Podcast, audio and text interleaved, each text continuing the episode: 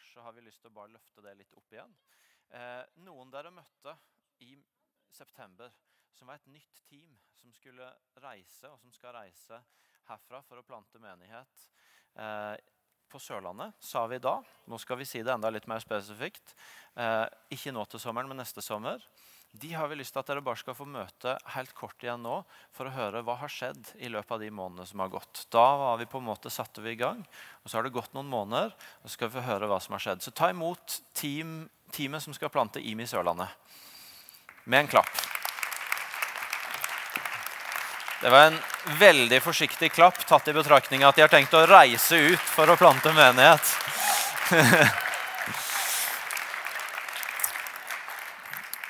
Eh, fantastisk.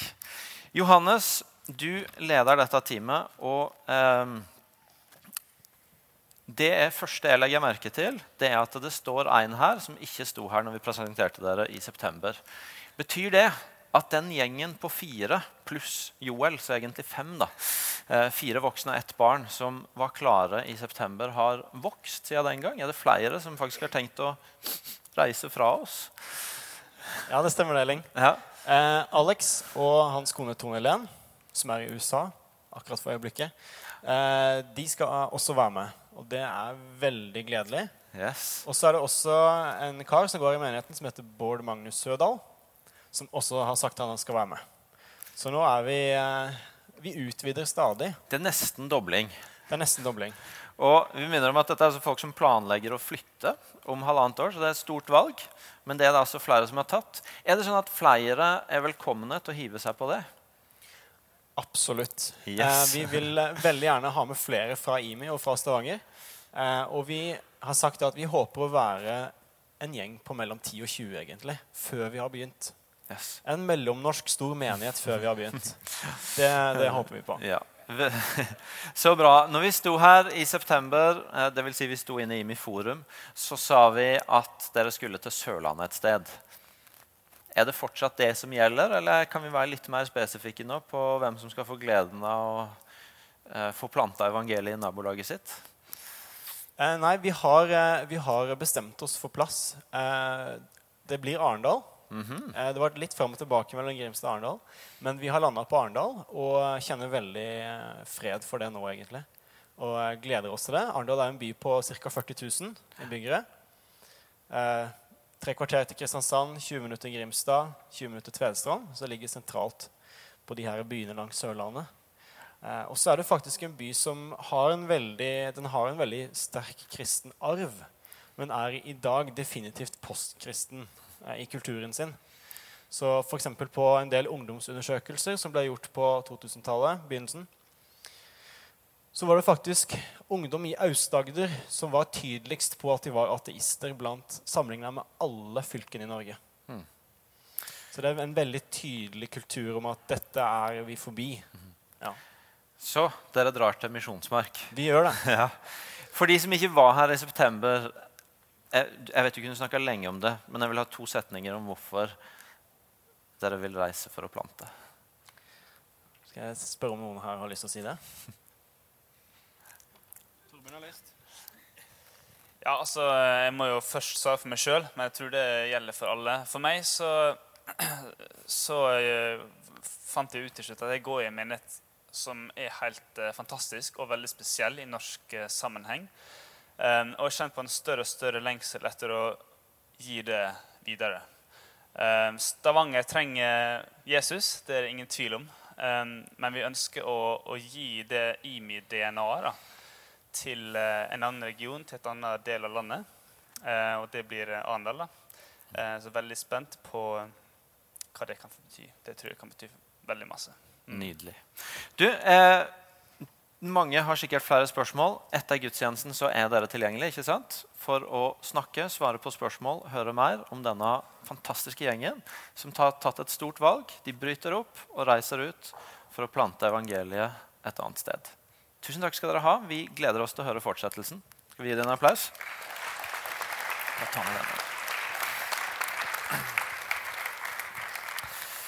Da har, er dette en sånn dag hvor dere allerede har møtt eh, mye godt. Og jeg skal prøve å dele noe med dere på den tida jeg har igjen.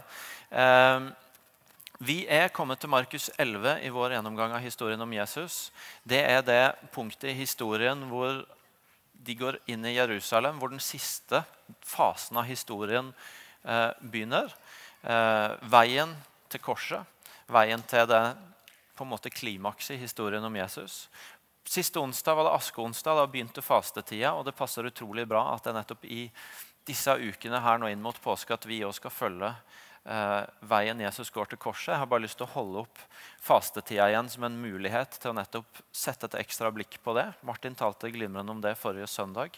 Eh, bare lyst til å invitere deg inn i det og, og minne om at vi skal ha ei ega uke, fasteuke fra 31. mars spesielt dedikert til det.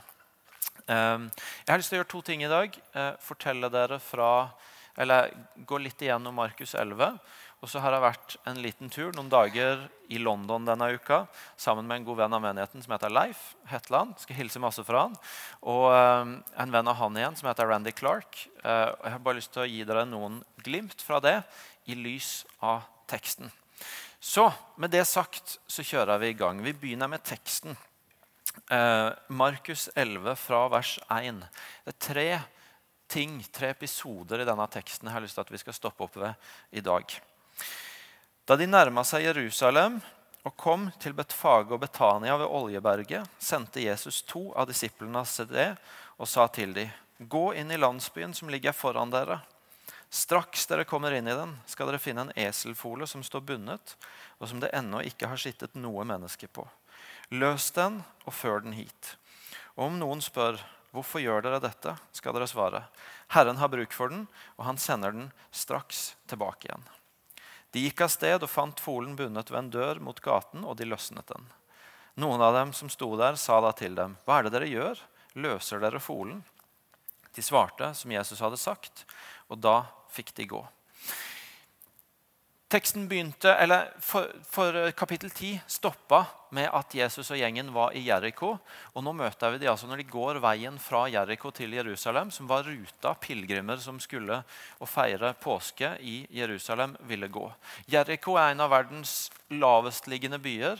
Eh, Ca. 250 meter under havet. Jerusalem det er litt sånn kupert terreng, så det er forskjellig hvilke høyde man angir. Men minst 500 meter over havet. Så en ganske bratt stigning fra Jeriko til Jerusalem. Bratt oppoverbakke. Dette er for en god del år siden ikke mye asfaltert vei og tilordna ting. Så det, og veien gjennom, gikk gjennom ørkenen. Så det er bratt opp, det er ørken, det er støv, det er varmt.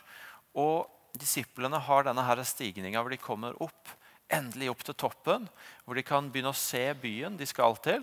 Og du vet hvordan det er, eller de av dere som i hvert fall som har gått litt på lange turer, og kanskje fjellturer, når du kommer til det punktet hvor du ser målet, så er det en utrolig deilig følelse. Der er det vi skal. Der er den hytta, eller der er det stedet. Og det disse ser, og som mange andre pilegrimer ville se, det er der er byen vi skal til å feire påske midt i svette og støv og slitne bein etter oppoverbakke. Og så, idet de så vidt har rukket å ta inn det inntrykket, så er Jesus der. Altså, du, dere må, dere må gå og hente et esel til meg. Og, og dere må eh, Dere skal bare gå og finne det, og det skal stå sånn og sånn. og Bare ta det. Og hvis de spør, så bare si at jeg trenger det, så, så går det nok bra.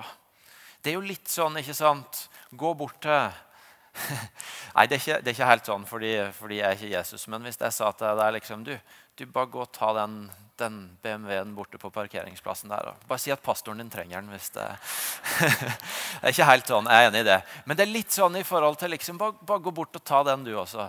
Og så skal det ordne seg. Det, det er en utfordring disiplene får i å vise tillit til at det Jesus sier. at vet du nå, hvis dere skal finne det. Og, når dere bare sier at jeg trenger det, så skal det gå bra.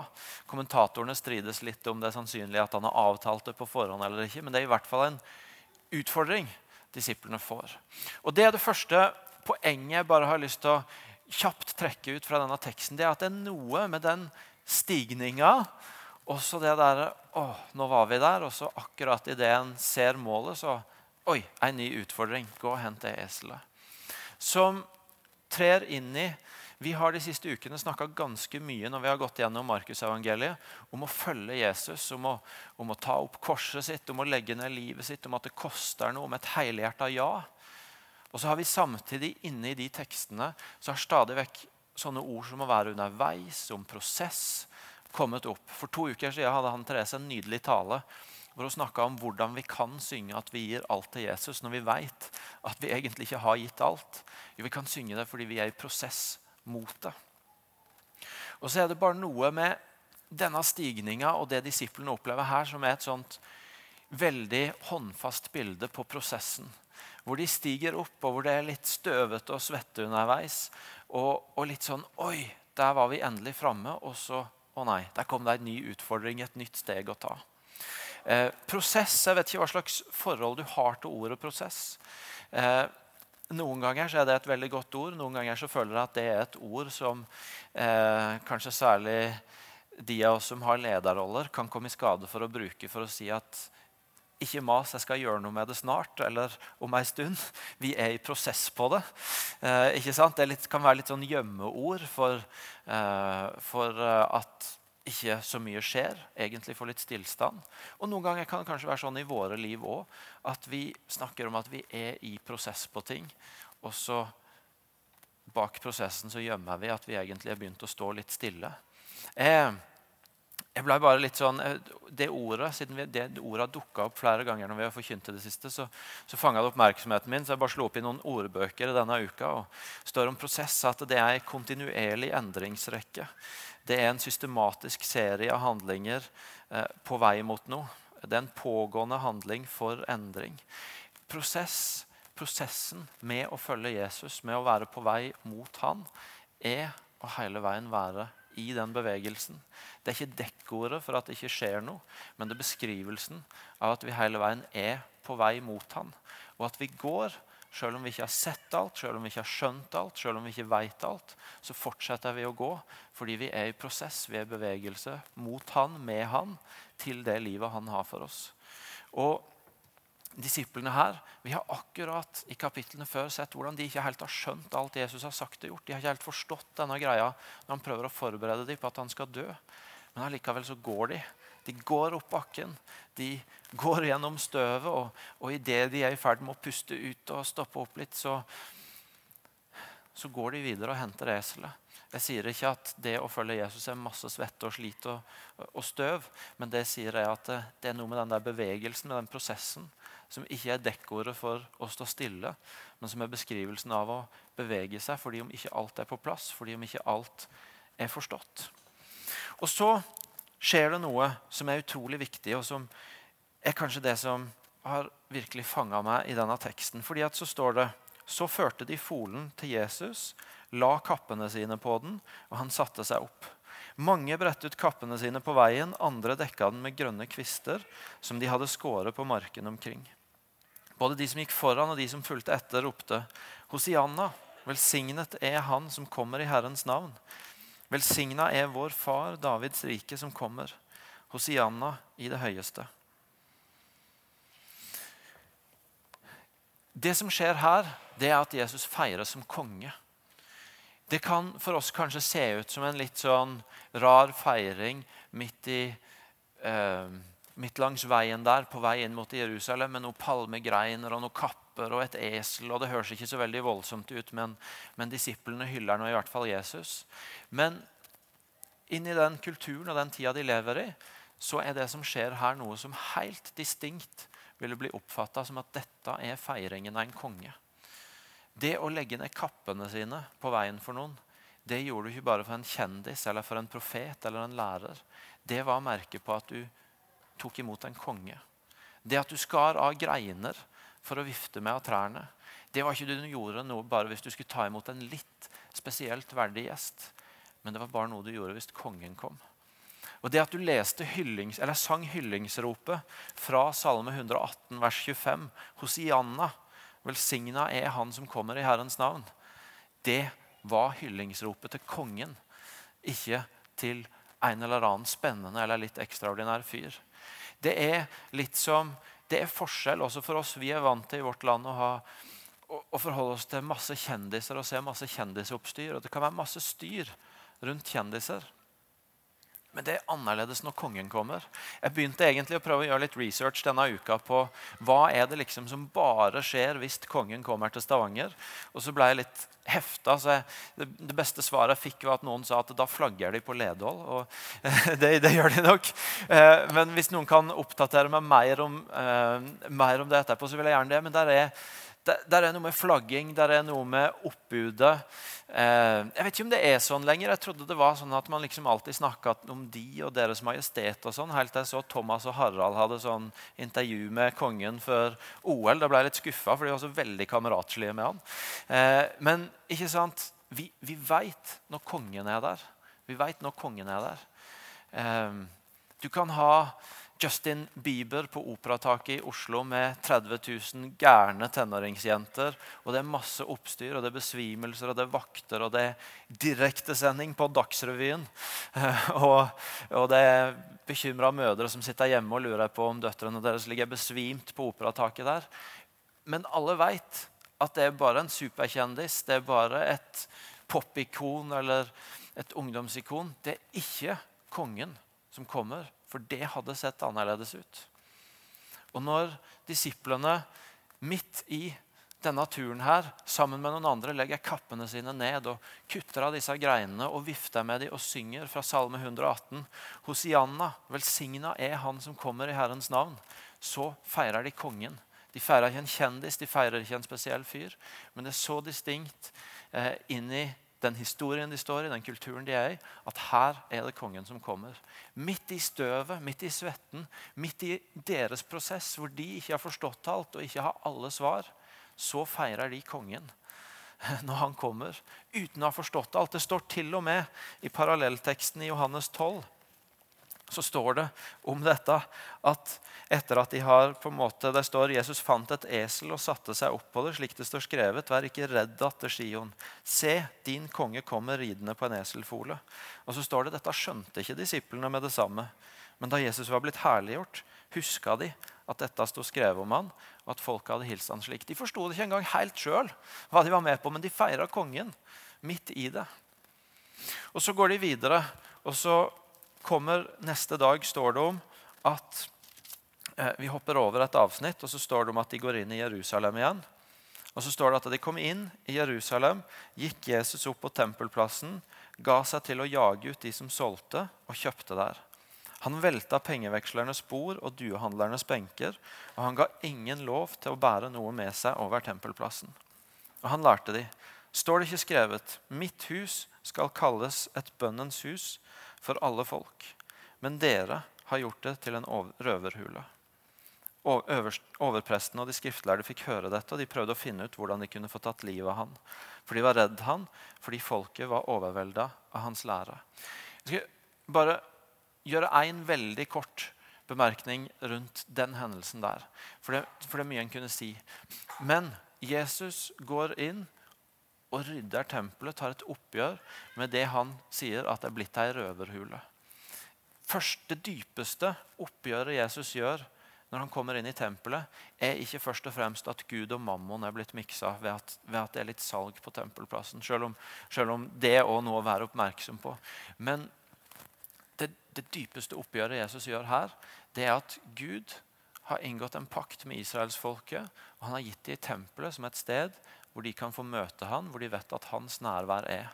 Og hans nærvær er gitt de.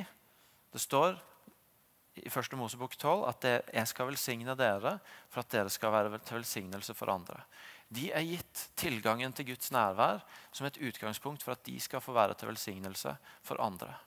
Og så er tempelet, som skulle være et sted for å møte Guds nærvær, sånn at andre kunne bli velsigna av det, blitt til et religiøst system som handler om massevis av riter og ordninger og handel med ting som egentlig holder folk unna det det var meint å være.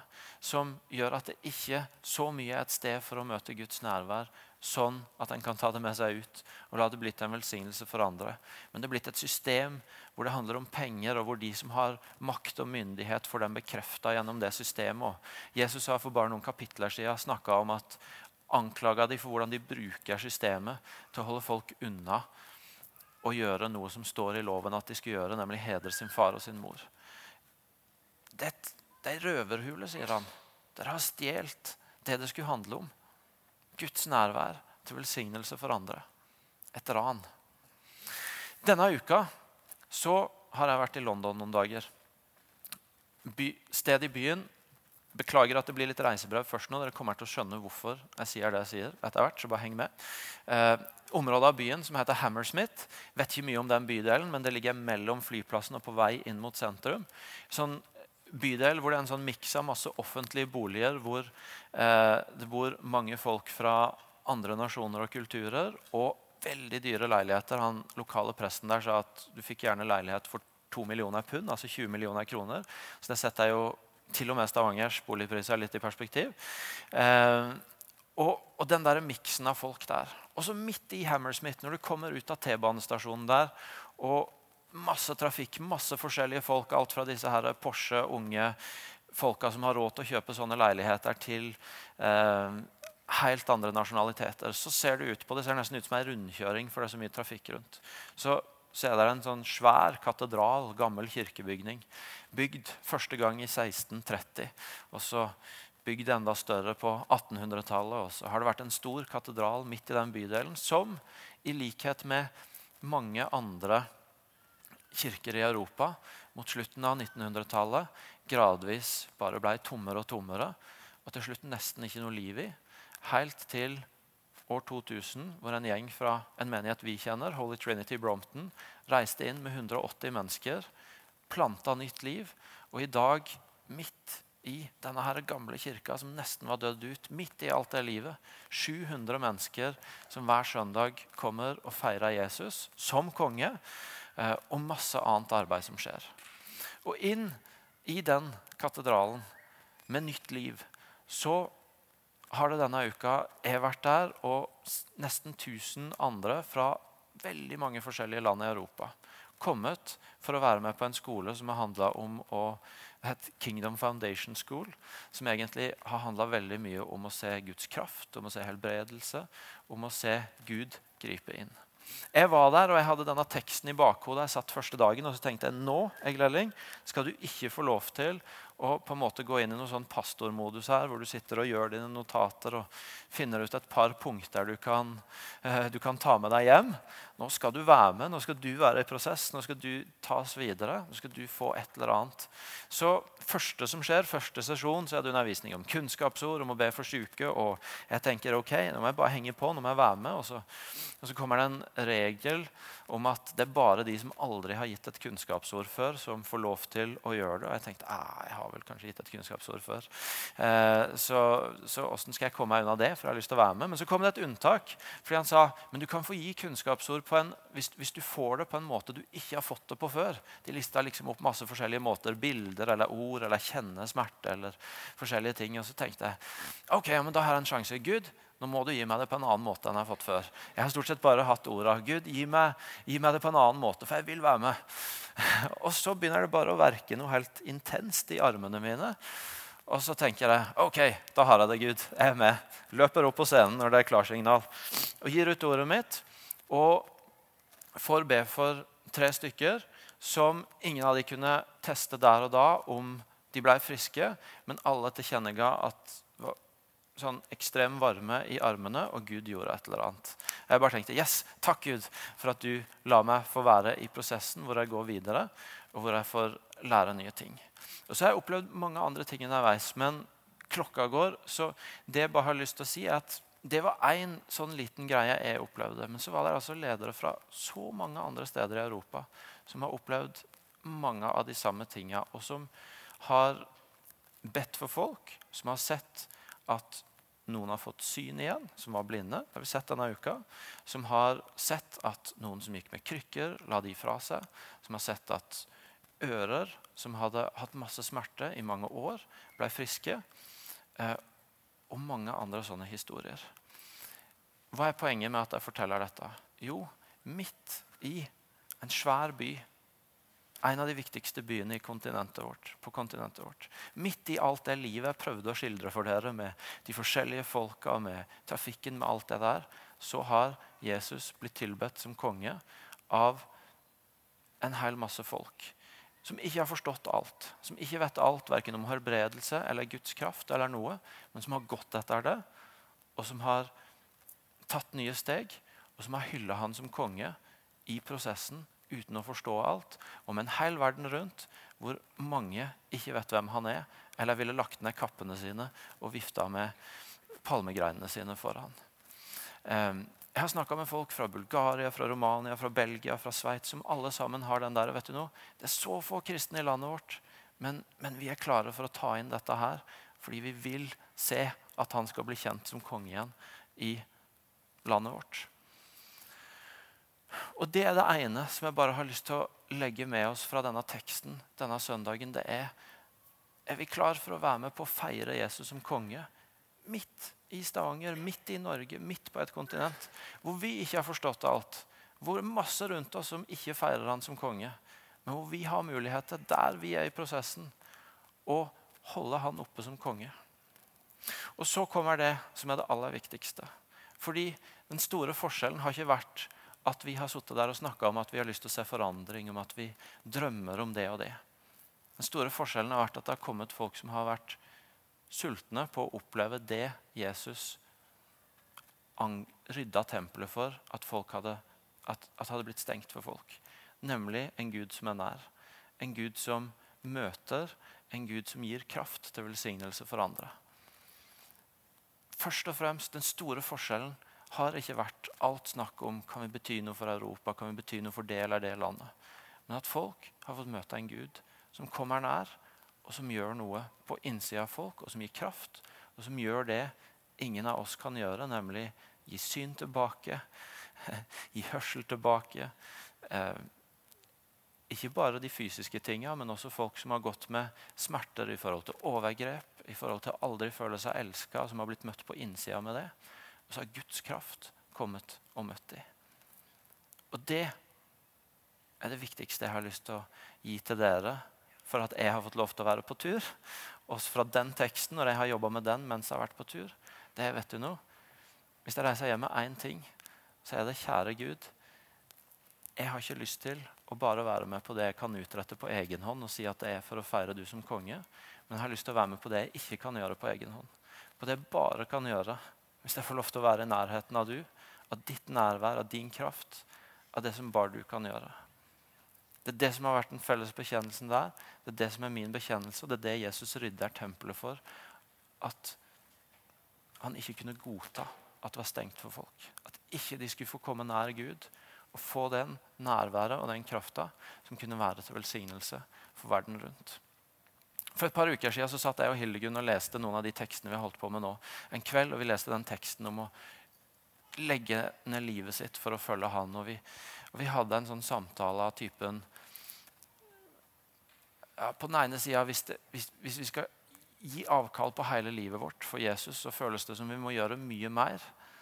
Og Samtidig så er det den der samtalen med hva, hva altså Vi prøver å holde litt balanse i familien. og Klarer vi å gjøre mer? Jeg vet ikke om det er plass til mer. Og så blir jeg minnet på en setning jeg hadde hørt Bill Johnson si for litt siden. Han sier den som ikke er overvelda av det oppdraget Gud har gitt deg, han ser ikke klart. Hvis du ikke er overvelda av det oppdraget Gud har gitt deg, så ser du ikke klart. Og Så ba vi sammen, og så var det som Gud sa Dere er i bevegelse på det oppdraget Gud har gitt dere. Og dere er ofte overvelda av det. Og det spør dere om er ikke å gjøre mer, men det er om å søke med i det. Sånn at dere ikke bare gjør det dere klarer sjøl, men dere gjør det dere kan gjøre med min kraft.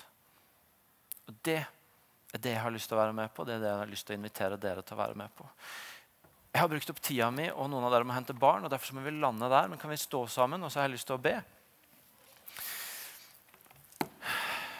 Jeg har lyst til å gi dere en utfordring. Og det er å spørre denne uka Hvordan ser det ut for meg å være med på å feire Jesus som konge? Der er jeg i livet nå. I min prosess hvor ikke jeg vet alt, hvor ikke jeg har sett alt.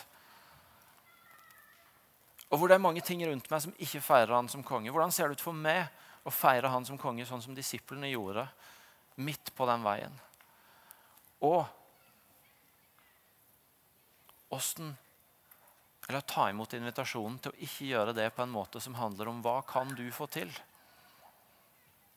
Men hva kan han få til i du? Hva kan han gjøre i ditt liv? Hva kan hans kraft gjøre i ditt liv? Å bruke denne fastetida til å være ei tid for det. Til å søke nærmere han. Det viktigste jeg tar med meg hjem, er ikke alt jeg skal gjøre, men at jeg er elska, og at jeg har tilgang på hans kraft. Og at jeg har lyst til å være med på det han kan gjøre, ikke det jeg kan gjøre. Og det har jeg lyst til å invitere dere til å være med på. Så nå skal vi tilbe sammen. Hvis du har lyst til å komme fram her fordi at du ønsker Guds kraft til å være en som feirer Han som konge midt i din hverdag, så jeg er her for å be, og forbønnsteamet er her for å be. Vi gjør det her foran i dag. Og så har jeg bare lyst til å be deg om å komme fram og ta imot en bønn om at Guds kraft skal få virke i ditt liv. Så at du ikke gjør det på egen hånd, men du gjør det med Hans kraft. Og så må dere som henter barn, gå og gjøre det. Og så møtes vi i kafeen etterpå. Jeg ber en bønn, og så tilber vi sammen. Jesus, du er kongen. Og det har vi lyst til å prise deg for. Og, og si at eh, vi har lyst til at du skal bli feira som kongen i Stavanger, i Norge, på kontinentet vårt. Midt i alt det vi står i, og alt det denne verden står i, så har vi lyst til å feire deg som kongen, som kan gjøre det vi ikke kan gjøre. Som kan sette mennesker fri, som kan møte folk på dypet, som kan helbrede, som kan bringe ny retning i livet, som kan forandre det ikke vi kan forandre. Og vi bekjenner at vi er avhengige av det. Og vi har lyst til å være med på det du gjør, ikke det vi kan få til på egen hånd. Og vi har lyst til denne formiddagen igjen å bli fylt av din kraft. Og få komme helt nær deg på en sånn måte at det er det du gjør, som blir standarden vår, og ikke det vi kan få til. La oss få som disiplene være med på en reise hvor vi mer og mer ser det skje forbønnsteamet kan komme fram, og så bare begynne å komme fram hvis dere vil at vi skal be for det. Og så tilber vi Gud sammen.